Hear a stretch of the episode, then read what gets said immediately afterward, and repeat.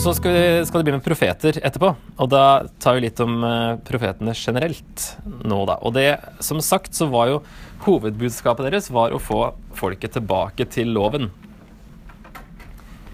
Vi må eh, egentlig kanskje eh, omdefinere vår definisjon av ordet profet. Og når vi snakker om å profetere, så i Bibelen så er ikke det å fortelle hva som skjer i framtida.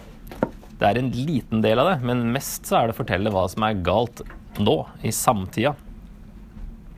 Mye mer inn i samtid enn om framtid.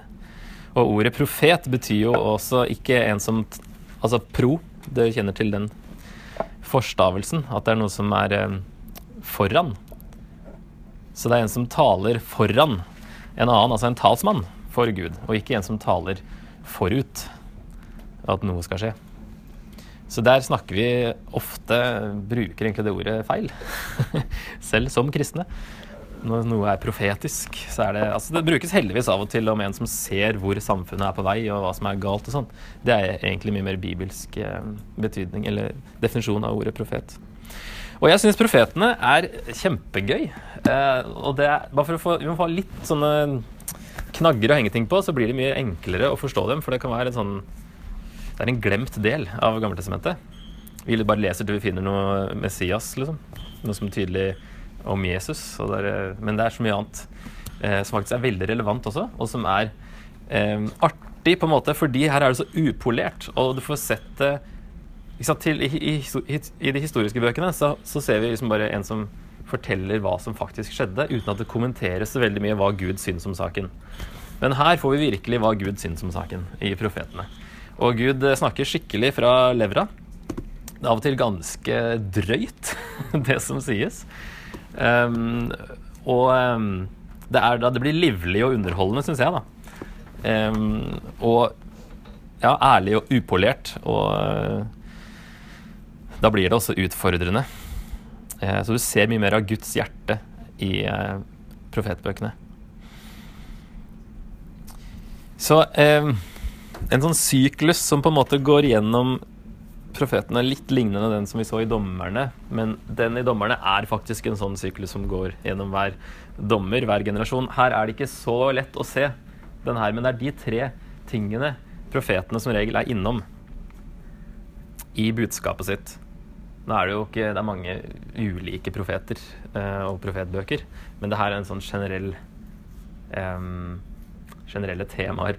Så de snakker, hva, sier hva som er galt nå, hva som er synd som de må omvende seg fra, eller så kommer dommen.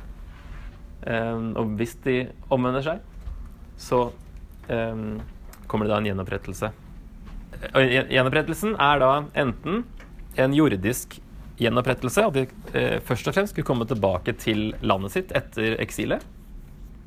Eller så kan det være at de ser enda lenger fram, profetene, og ser da en, eh, til en åndelig gjenopprettelse, og at det da blir Messias og en eh, større frelse som eh, blir mer universell, da. Um, og her oppe, dere har lest i hvert fall femte Mosebok. Eh, begge de to kapitlene som nevnes der oppe, er da disse såkalte paktsforbannelsene og paktsvelsignelsene.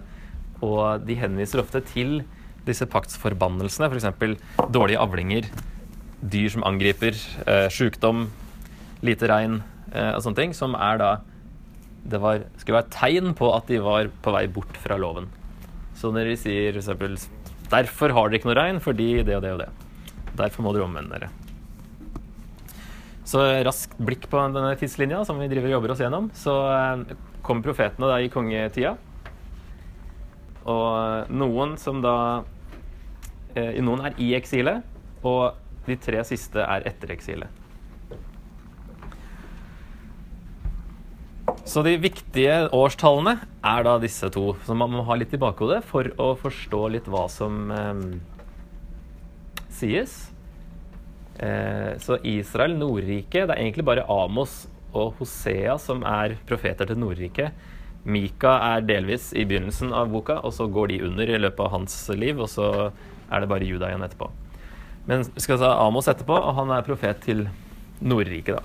Som asyrerne tar i 722. Eh, og de, mange av de andre er profeter til Juda og Jerusalem, som da blir tatt av babylonerne i 586.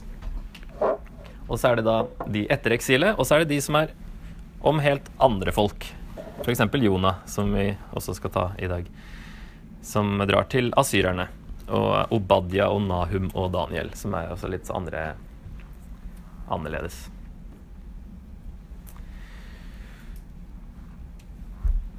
skal ha et eksempel på en sånn syklus da, med synd, dom og gjenopprettelse fra Jeremia. Her er det ekstremt tydelig. Her får du da alle tre, og det er veldig tydelig at det er de tre. Jeremia 16, 10-15.